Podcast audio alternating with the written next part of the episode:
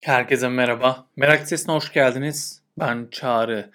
Son dönemde fark ettiyseniz çalınan dikkat, beyin sisi gibi aslında odaklanmaya dair bazı içerikler paylaşmaya başladım. Çünkü bunun ana nedenlerinden bir tanesi benim de aslında dikkatimi kaybetmeye başladığımı fark etmem.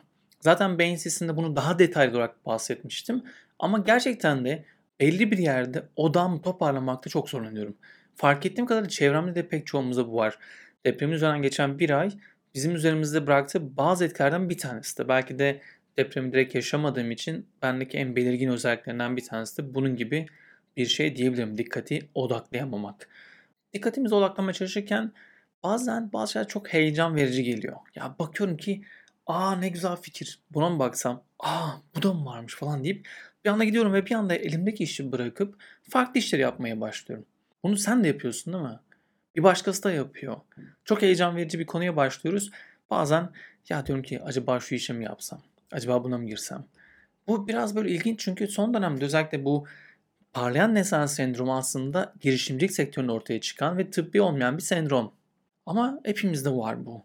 Bir anda gelen küçük bir haber bizi heyecanlandırıp o tarafa derinlemesine gitmeye başlıyoruz. Ama elimizdeki şeyler kalıyor. Bu da aslında bizim için büyük bir sorun.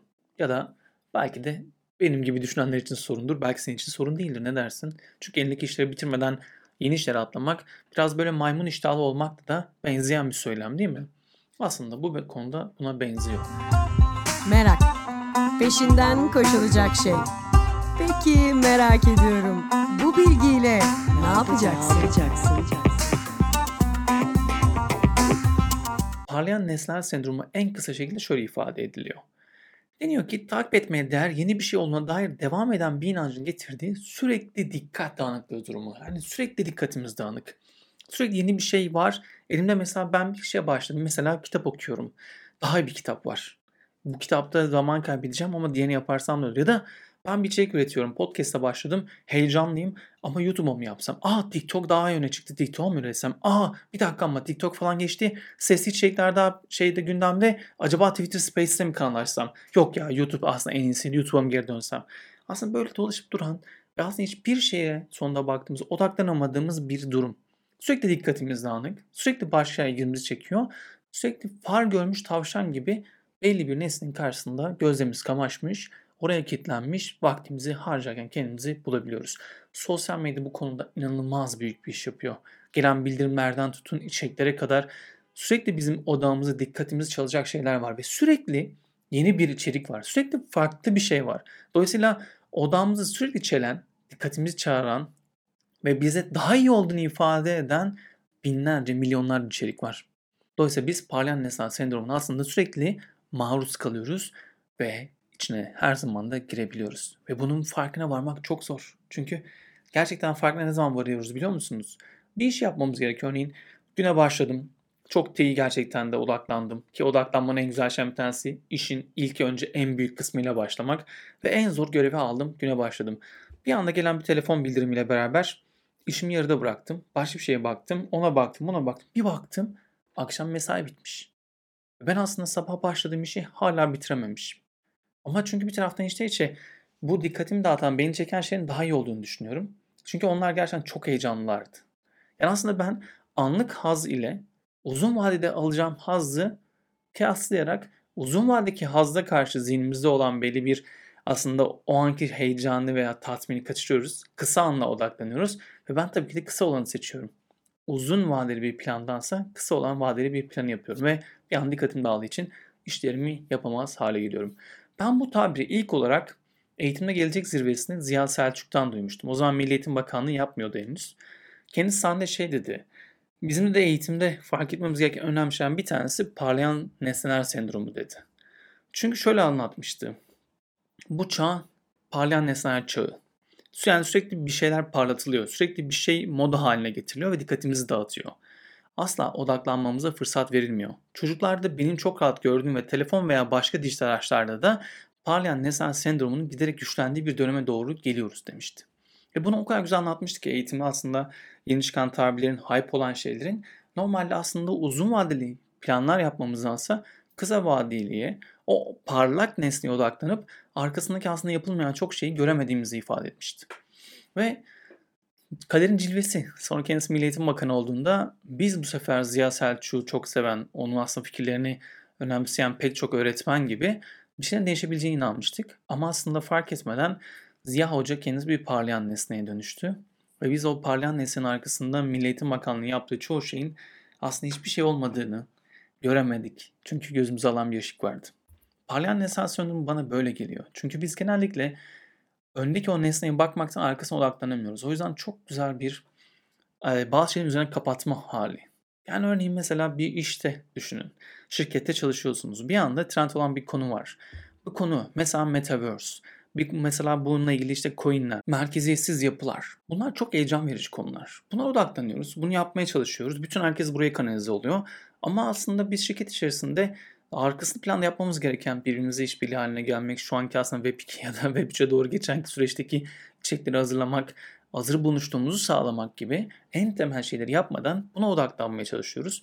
Sonra bir süre sonra yeni bir konu çıkıyor ortaya ve bir anda burada yaptığımız her şeyi bırakıp diğer o konuya gidiyoruz. Ama diğer o konuya gittiğimizde de yine gözümüz orayı görmekten aslında eksik olan taraflarını göremez hale geliyor.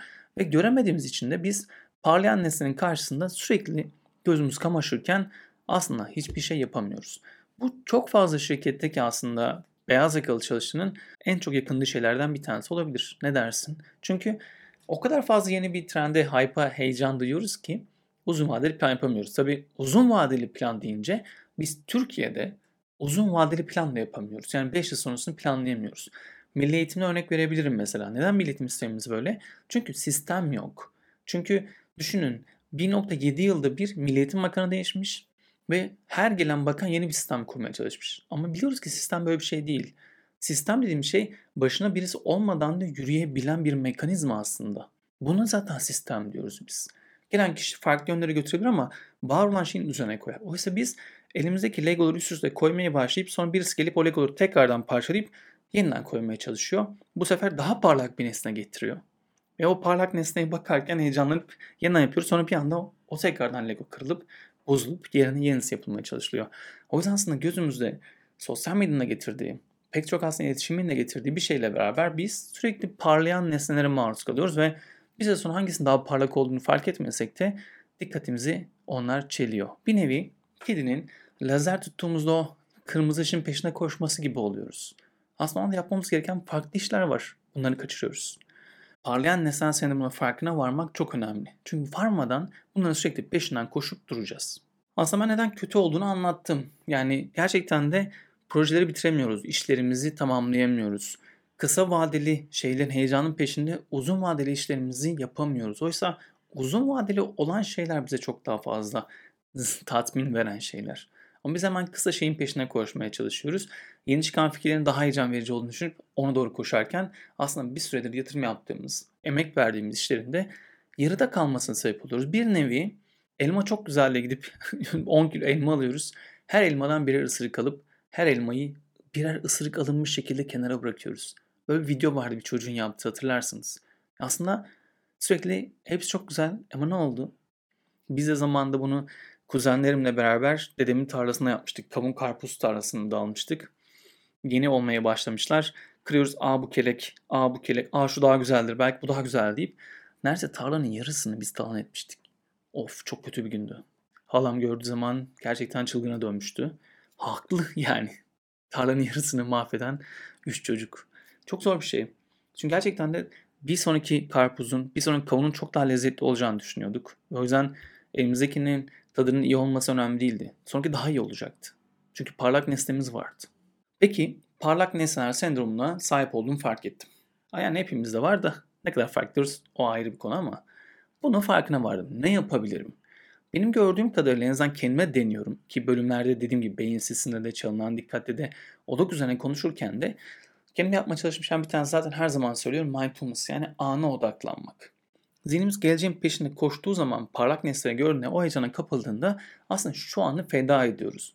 Bunun yerine şu an odaklanmak, anda kalmak, bedenimizi de şu anı çekmek ve önümüzdeki şeyin aslında ne kadar önemli olduğunu farkına varmak. Bu çok önemli bir şey bence. İkincisi yavaşlamak. Bu da aslında zaten mindfulness'la beraber geliyor. Yavaşlamalıyız çünkü parlak nesneler o kadar fazla artıyor ki sayıları sürekli onları görmekten biz bir süre sonra yavaşlayamıyoruz. Oysa yavaşlamak her zaman aslında işlerin daha hızlı bitmesini sağlar. Bu da bir ilginç paradokstur. Ama böyle oluyor genelde. O yüzden bir şey çıktıysa, trend olduysa harika. Buna bakabiliriz odamızı, buna çevirebiliriz.